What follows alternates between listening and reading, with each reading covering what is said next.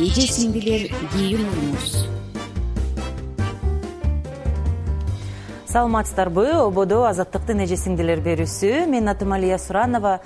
Биз ушул жумадан тартып эже сиңдилер берүүсүнүн жаңы форматына өтүп атабыз. Мындан ары биздин студияда туруктуу коноктор баарыңыздар таанып э, билген сиздер сүйгөн назира айтбекова.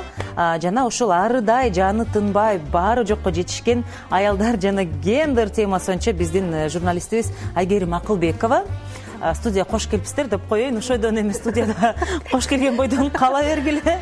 Мен кетем жакын ошо эми мындан ары биз ушул студияда э, ушул жуманын аптанын актуалдуу темаларын кээде конок чакырып турабыз кээде өзүбүзчө деле мындай чай ичишкендей отуруп э, өзүбүзгө кызыктуу болгон же болбосо аптанын бир кызыктуу темаларын окуяларды э талкуулап турабыз. Анда эмесе бүгүн биз үчөөбүз талкуулай турган тема бул пандемияга бир жыл ушул пандемия башталгандан бери баарыбыз ушул карантинге кетип коронавирус илдети э, ушул бизге келгенине мына бир жыл болуптур ошондон бери биздин жашоо кандай өзгөрдү э, эмне э, болуп жатат кандай бир тыянакка келдик э жалпысынан эле ушул кандай жашоо кандай болуп калды бир жылда ошону талкуулайбыз э? Эң чоң өзгөрүүлөр бул үй бүлөдө болду окшойт деп ойлойм да бул пандемияда. Анткени баардыгыбыз үйгө камалган учурда эрди катын мамилеси болду. Күйөөсү аялы бири бирин жакшыраак тааныды пандемия бүткөндөн кийин ажырашып кетүүлөрдүн саны абдан көп болду. Ошондой эле ата эне менен балдардын ортосунда болгон мамиле деле э? Ооба ата эне балдар мисалы үчүн көлдө суицид көп болду балдардын арасында. Демек биз бири бирибизди тааныбаарыбызды билдик балдарыбызды жакшы тааныбайт экенбиз тил табышканды билбейт экенбиз күйөөсү аялы бири бирин жакшы тааныбайт экен. Мына ошол үй бүлөдө көп эле көйгөй катталды деп ойлойбуз да ден соолуктан башка ооба зордук зомбулук чынында эле күчөдү ар кандай үрөйдү уштурган баягы бир жагынан өлүм житимдердин саны абдан көп болуп атты бир жагынан болсо жанагындай зордук зомбулук темасы дагы абдан көтөрүлүп атты да. Ооба кыргызстанда өзү ушул бир жылдын ичинде коронавирустан каза тапкан адамдардын саны бир жарым миңге жетиптир э, анан дүйнө жүзү боюнча эки миллион алты жүз миң адам каза таптыр бир жылдын ичинде эми биз бир четинен алып карап көрсөк ошол бир жыл мурун менин эсимде бар да ушинтип баягы карантинге отуруп калганда ушунчалык бир коркуп паника сезими болгон э? Баягы дүкөндөн алып келген ар бир мөмө жемишти э? Ар бир даамын билип калдыңыз беле сезим э? жанагы эме менен э, антисептик менен бүт чачыратып колубузга перчатка кийип масканы түшүрбөй. Ушунчалык бир жаныңдан киши өтүп кетсе эле ушунчалык бир жугуштуу көрүнүп эле э? Бир нерсени кармагандан коркуп.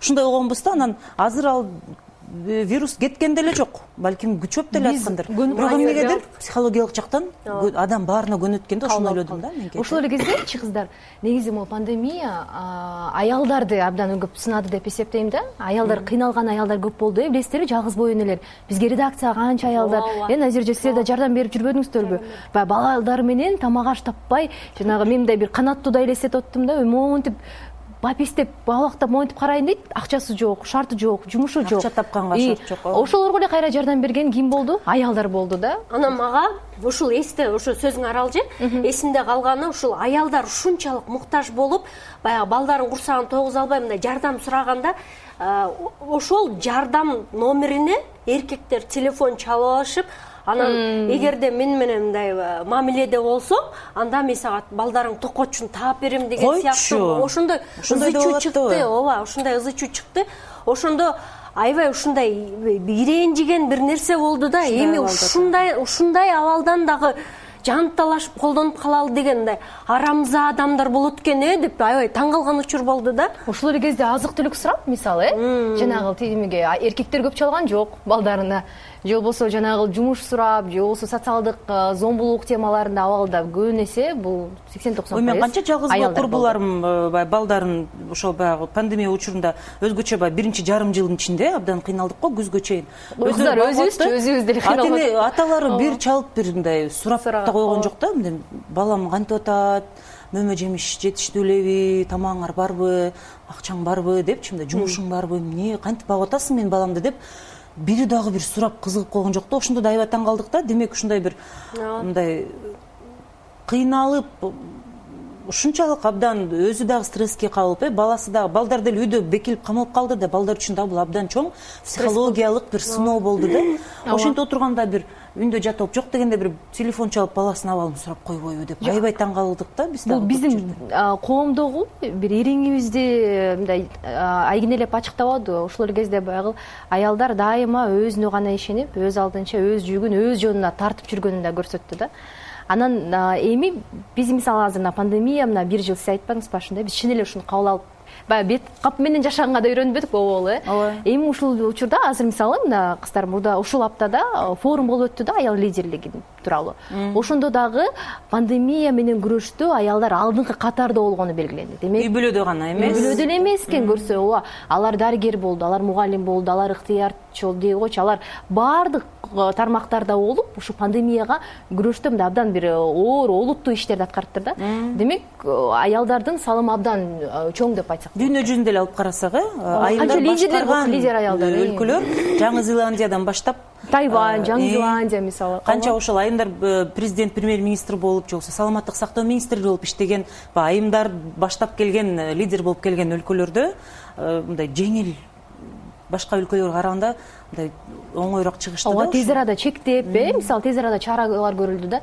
Демек бул дагы менимче ошол аял лидерлерге муктаждык жаралганын так бир мындай айгинелеп турат да. Жана аялдар жөн эле чыгып эле көрсө колунан келет экен да жасай алат экен да көрсөчү. Бул жерде баягы ушундай ба- башына оорундук түшкөндө гана баягы эркектер мындай бошотуп берди да көп жерден э «Э, силер бара бергиле силер кыла бергиле биз бери жакта отура берели депчи Ооба, ооба. мындай артка туруп беришти дагы көп жерден. Мен эми баардык эркектерди айтпай эле коелу ал ооба жерден дагы эми тиги. болду эркектерде жүрбөйлү кыргызча тарбиялаш керек сени деп дагы жазып башташат комментарийлергечи Ич кыз жалпысынан албетте эркектердин арасында деле көп болду. Баягы үй бүлөсүн деле багышып э, ыктыярчы дагы болуп э баягы жерине элине үй бүлөсүнө кам көрүп жардам берип жүргөн эркектер деле көп болду. Бирок ошо биз эми өзү эже сиңдир болуп аткандан кийин Аялдар айымдардын маселеси, эмесин дагы көбүрөөк айта кетели да э анан менде дагы мындай бир э, суроо бар. Мисалы биз азыр айтып калбадыкпы баягы мугалимдер э, дарыгер айымдар деп.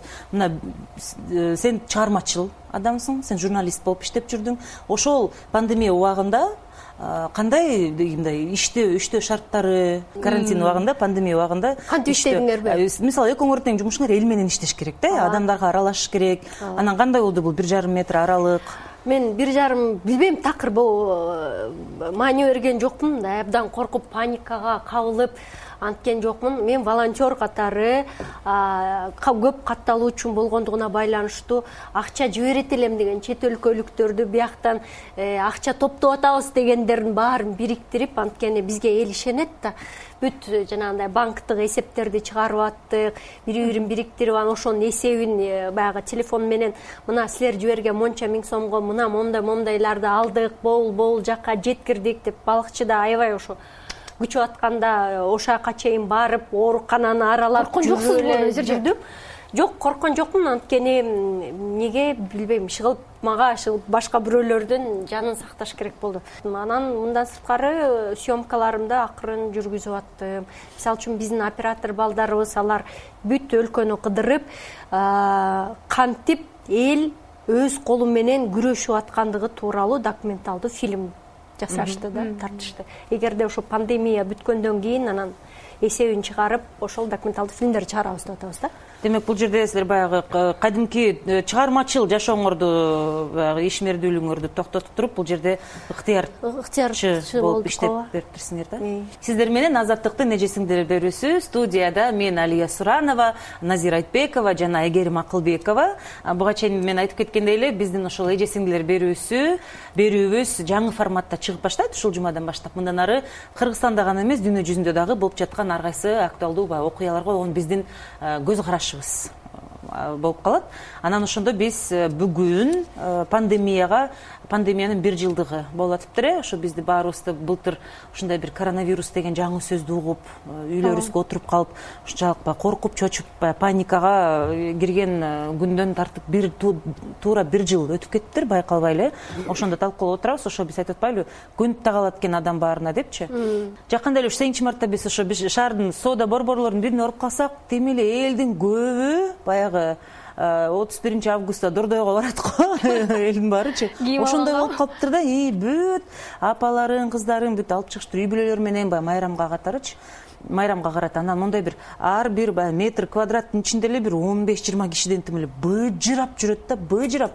Анан кирип атканда баягы эме турат да секьюрити байке маска кийгиле маска кийгиле деп кыйкырып атат. Антисептикти чачыратып баарыбызгачы анан кире бериште он сомдон масканы сатып атышат шатыратып баарыбыз сатып алып атабыз дагы моундай жылар менен эле бүт чычыргытып атышат да маскаларды.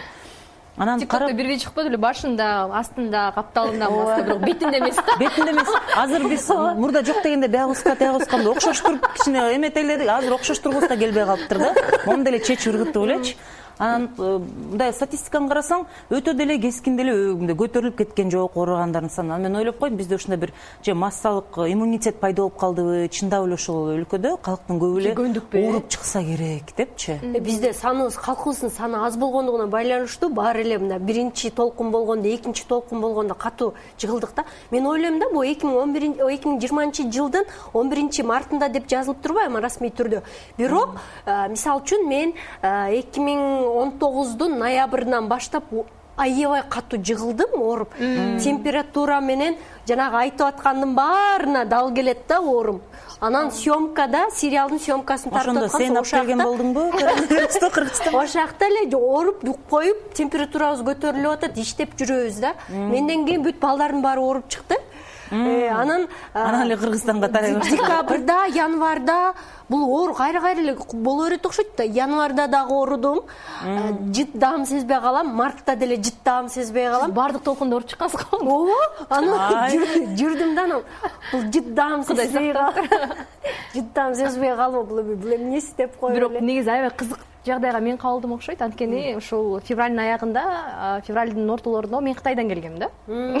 Сен алып а- анан Сен баштап ар- аралда жыгылып эс алып келип. Силердин артыңардан мен да оорудум. менин кызым ошо ооруканага жатып ооруп калды. Чын эле э, симптомдору алып карасаң ошого окшош да бирок азыркы кыздар биз аябай күлүп айтып атпайлыбы чын эле баягы кабыл алдык. Ошол учурда психологиялык кабал абдан оор болгон Ооба. мисалы мен баягы түнү менен жана изолятордо жаткам отуруп алып баламды кучактап температурасын өлчөгөн адам катары «А, бул коронавирус деген эмне? Бул кайдан чыкты? Эмне болот? Кантип ооруйт? Же өлүп калабы дарубай түшүнүксүз болду да. Ошондо мындай аябай психологиялык жактан оор болгондо баардыгыбыз вируске чалып. Ооба. анан биз жана карантинде сүйлөшүп атпайлыбы эмне кылдык деп э? Мисалы мен өз мисалымда э, ушул жерден дагы аялдар эки эсе дагы иштеген аялдар дагы оорчулукка кабылды. Эгер э, мисалы эркектер деле көрдү болуш керек жагдайды бирок аялдар эсиңиздеби жазып атабыз иштеп атабыз макала чыгарып атабыз ортодо кызыбыз балдарыбыз да баягы үйдө отуруп деле аялдын түйшүгү бүтпөйт да. Чыгасың тамак бересиң кайра иштейсиң. Алаңгыча зомбулук көргөн бир аял кабылдайт анан бул жакта хейтерлер баштайт жок ооруну каяктан чыгардыңар журналисттер депчи. Баягы психологиялык жактан мындай стресс жактан өтө бир мындай оор учурга туура келдик да. Ооба. Анан зумдарда да эсибизде мисалы тиги жыйындар болуп атканда балдарыбыздын үндөрү чыккан интервьюларыбызда балдарыбыздын үндөрү ызы чуу менен кошо баягы үй бүлөлүк түйшүк менен кошо ишибизди дагы алып кеттик да. Эми журналисттердин бул учурда иштегени мындай өтө оор болду. Биз ордубуздан чыкпасак дагы мисалы баягы пандемия кимди жоготтук деген алты жүз адамдын тизмесин жарыялаганбыз өлгөндөр боюнча. Күнүгө жыйырма отуз адамга чалып чыкчубуз анан эми бул баягы э, стрессти ошол учурдагыны мындай дагы деле ошол стресс менен жүрөмүн да? Демек э, баягы физиологиялык жактан гана эмес э, психикалык жактан да аябай катуу баягы мээге урат экен да көп айтып калышты. Айыккандан кийин дагы көпкө чейин абдан ушундай бир депрессивдүү абалда чарчап жүрүп эле бат эле. И такыр мындай жашоого кызыгым жашоонун кызыгы кетип эле мен монтип эле. Өзүмчө такыр башкача адам болуп калдым депчи. Анан биздин жашоого болгон мамилебиз өзгөрдү да ошол учурдачы. Мисалы үчүн камап койгондо аябай коркунуч өлүм менен өлүм баягы бетме бет келгенде адам жашоосуна мындай сары эсеп салып баштайт экен да мен бул жашоодо эмне кылдым? депчи. Анан ошондо өзүнө өзү эсеп берет экен өзүнө өзү баягы чөйрөнү анализдейт экен жашоонун даамын билет экен бирок эң сүйүнгөнүм жаратылыш кадимкидей бизден эс алганы ушунчалык кооз э, Ооба, жаз дагы. таза аба тим эле куш болуп атты го жаратылышка ушунча зыян келтирип атканыбыз дароо көрүндү. Ооба. И анан үйгө келгенде э, баягы жашоонун маңызын баркын билбей эле тебелеп тепсеп атканыбыз өзүбүзгө сезилди. Чынында эле жана посттравматический синдром деп коет го. Жанагы согушка катышкандан кийинки синдром кадимкидей ар бир адамда болду окшойт да. Мындан улам кадимки баягы э, катталуучулардын көптүгүнөн э, атайын баягы психологдор менен сүйлөшүп алдын ала коронавируста эмне кылыш керек балдар коркпош үчүн кантип өлүмдү түшүндүрүп бериш керек баягы жумшартып үйгө отуруу деген эмне изоляция деген эмне ушул темада кадимкидей психолог менен Э, түз эфирлерди жасап аттык да элдерге мындай жеңил желпирээк болсун деген ооба мен да байкадым ушу былтыр э, деги психологиялык жардамдын э, мааниси э былтыр абдан ушунчалык курч болуп турду.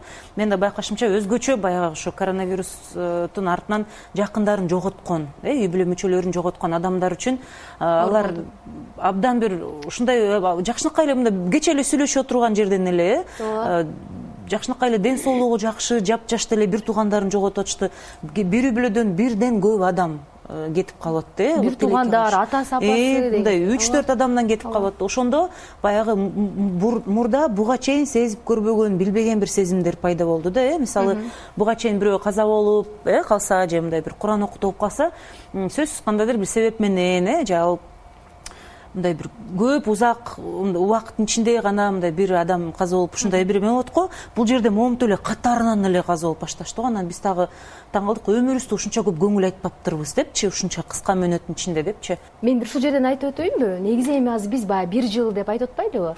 Бирок ушундан биз сабак алчу маселелер да көп экен да. Өзгөчө биздин э аялдар темасын ала турган болсок мен өзүм дагы ошо эл аралык уюмдар менен али эже сиз да бар болчусуз кантип биз ушул пандемияда аялдар зомбулугу менен үй бүлө зомбулугу менен күрөшөбүз деп абдан көп талкуулар өтүп атпадыбы ооба биз демек даяр эмес болчу экенбиз мындайга. Бизде кризистик борборлор көрсө жок экен. Ооба бизде психологиялык телефон аркылуу байланыш э, баягы ыкчам жардам берүү деген нерсе жок болчу экен.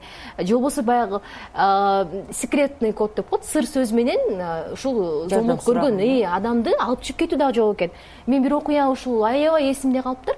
Эмчектеги баласы анан бир кызы бар болчу басып калган. Экинчи турмушу экен. Экинчи турмушунда зомбулук көргөн. Анан баягы элде ушул да. Экинчисинен дагы чыгып кетесиңби деген маселеден коркуп кетпей отурган. Бизге курбусу чалган. Анан өзү надомница ошо э, тигүү цехинде иштейт экен. Үйдө заказ алып буйрутма алып. Телефонуна чалсам жолдошу болот анан мен буйрутма берет элем келинчегиңизге берип коебузбу деп алдап биз куткарып чыкканбыз да. Бул эми миңден бир окуя.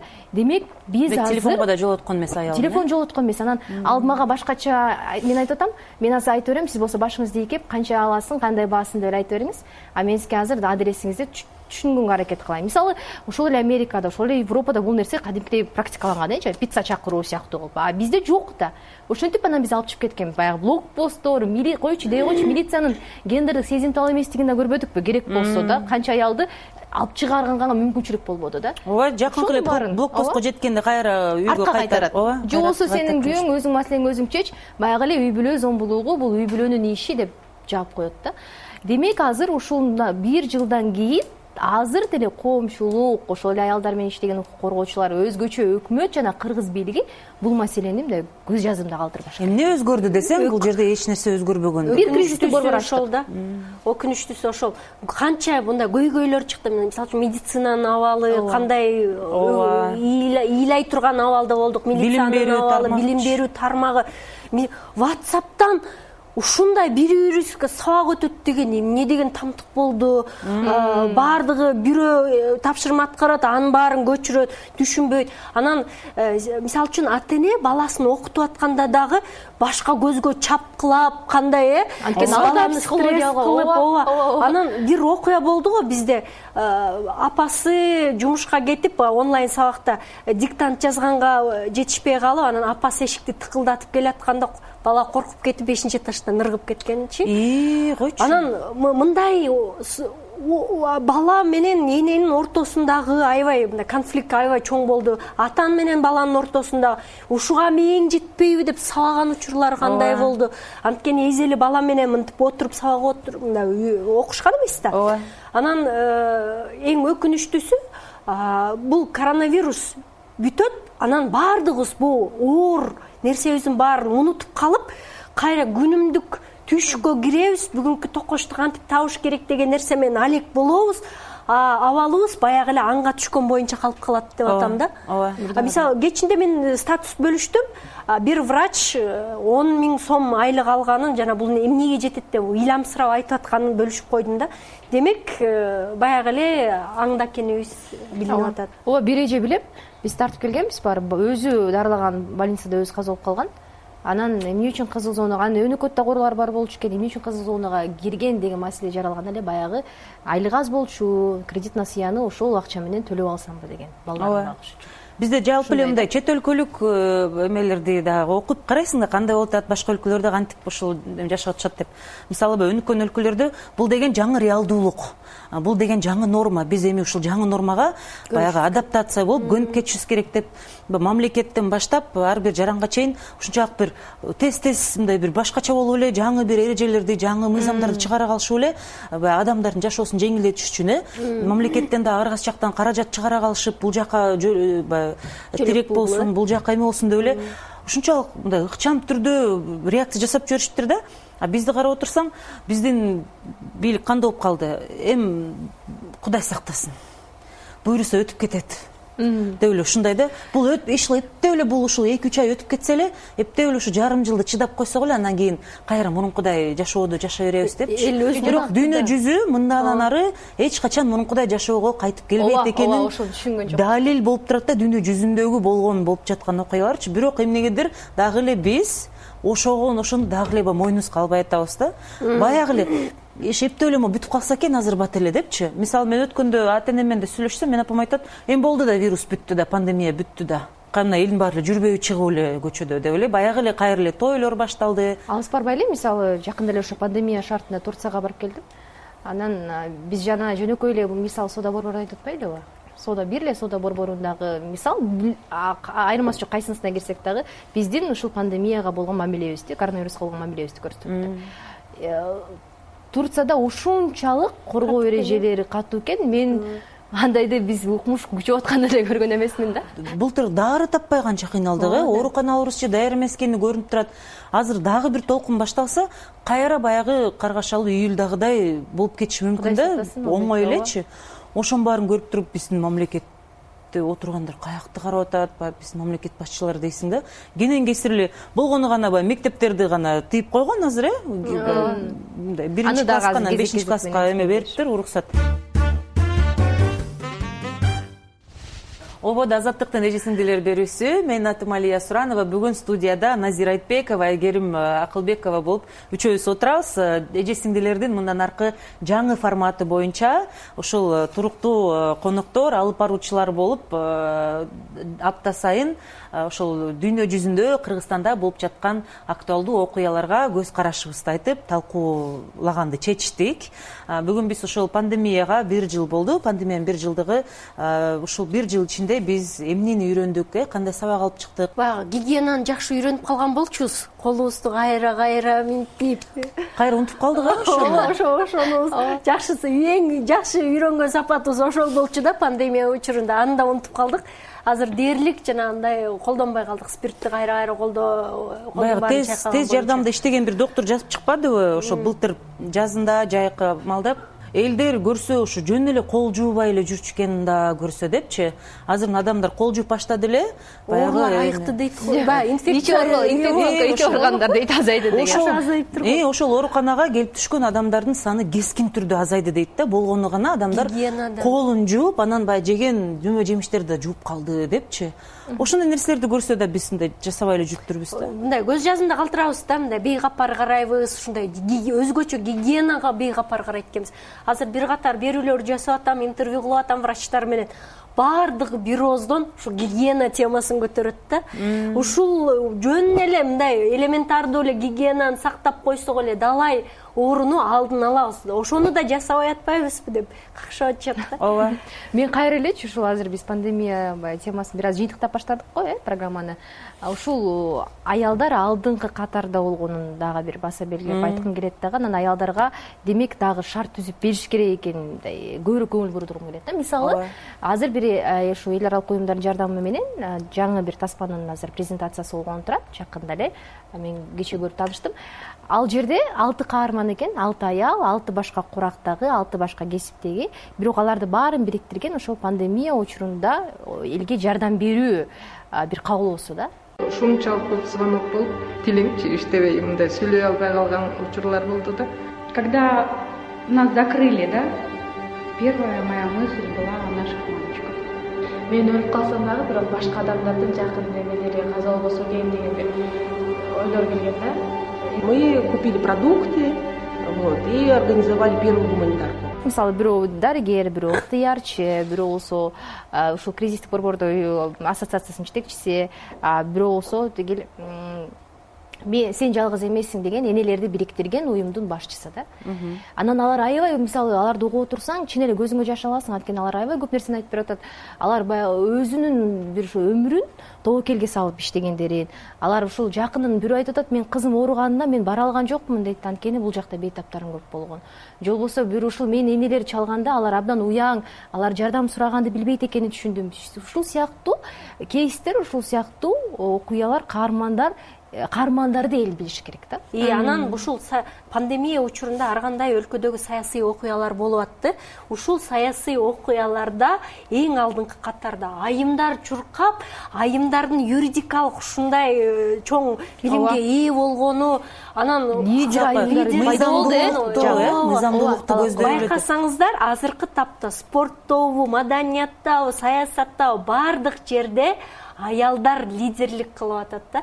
Пандемия учурунда дагы врачтар жалаң аялдар мынткиле тигинткиле деп элдерге дем берип кадимкидей буягы мындай кылсаңар бул көнүгүүнү жасап тургула деп аткандарын көрүп кадимкидей аялдарга болгон ушунчалык бир э, сый урматын көбөйөт аялдарга психологиялык жардамды дагы аялдар көтөрүп чыгып атты да? Айнур акматованы ыйлаган эсиңиздердеби брифингдечи? Мен ошол э өкмөттүн өкүлү алар жасап аткан аябай жаман болуп аябай ошону көрүп ал бирок ошол жалпы э, жагдайга болгон аялдардын мамилеси менимче көрсөттү да. ал ушунчалык жалбооруп мен ошол көп интервьюларды алдым кийин ыктыярчылардын көрсө көпчүлүгү ошол айым ыйлагандан кийин чыгышкан экен жардам бергенге. Демек абал чындыгында эле оор экен депчи. Билбейм мен ошол ситуацияда өзүм дагы аябай жаман болгом да бир бир эле бир көз илмейм эле да. Мисалы анан баягындай айжаган эле жанагы лидерлик боюнча да сөз атпайлыбы чын эле назиреже айткандай лидер аялдар пайда кылды. Мисалы жалгыз аял талапкер болду э жалгыз э, партияны баштап барган аял болду. Же болбосо жанагы конституциялык өзгөрүүлөргө чыккан аялдар. Кечээки эле маршты алалычы кандай мыкты аялдар чыкты да.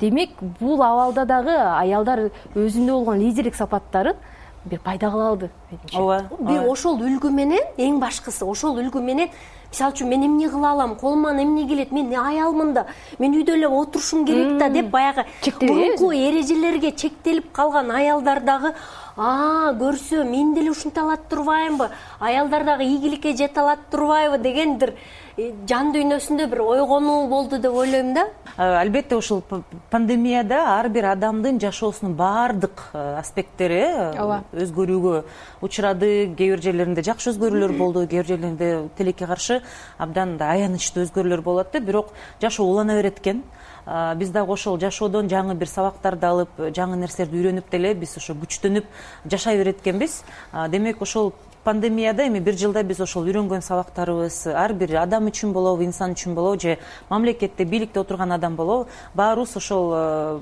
башыбыздан өткөн нерселерди дайым ошо эсибизге алып э мындан аркы жашоодо дагы кандай кылып чечкенде биз ушул кризистен биз ушул оор жагдайдан кантип дагы канткенде дагы күчтүүрөөк болуп чыгабыз деген бир ой менен дайым жүрсөк менин оюмча эми буюрса бул жерде дагы ушул эрежелерди дагы унутпай сактануу эрежелерин колубузду дагы жууп баягы аралыкты сактап э, эл жакка чыкканда дагы ошо маска такканды дагы унутпай биз кичине дагы сак бололу анткени биздин ошол э, сактыгыбыздан башка адамдардын дагы жашоосу дагы эле көз каранды э бул коронавирус бүтө элек бул вирус дагы эле жүрөт керек болсо күчөп атат көп өлкөлөрдө. Баягы кол кошуруп биз аялбыз биз аялы жанбыз назикпиз дебей назиктиктен дагы бир жакшы пайдалуу коомго керектүү нерселер чыгат. Үйдөгү силердин тикмечилигиңиз кандай? Ушул пандемия учурунда бизге жардам берди.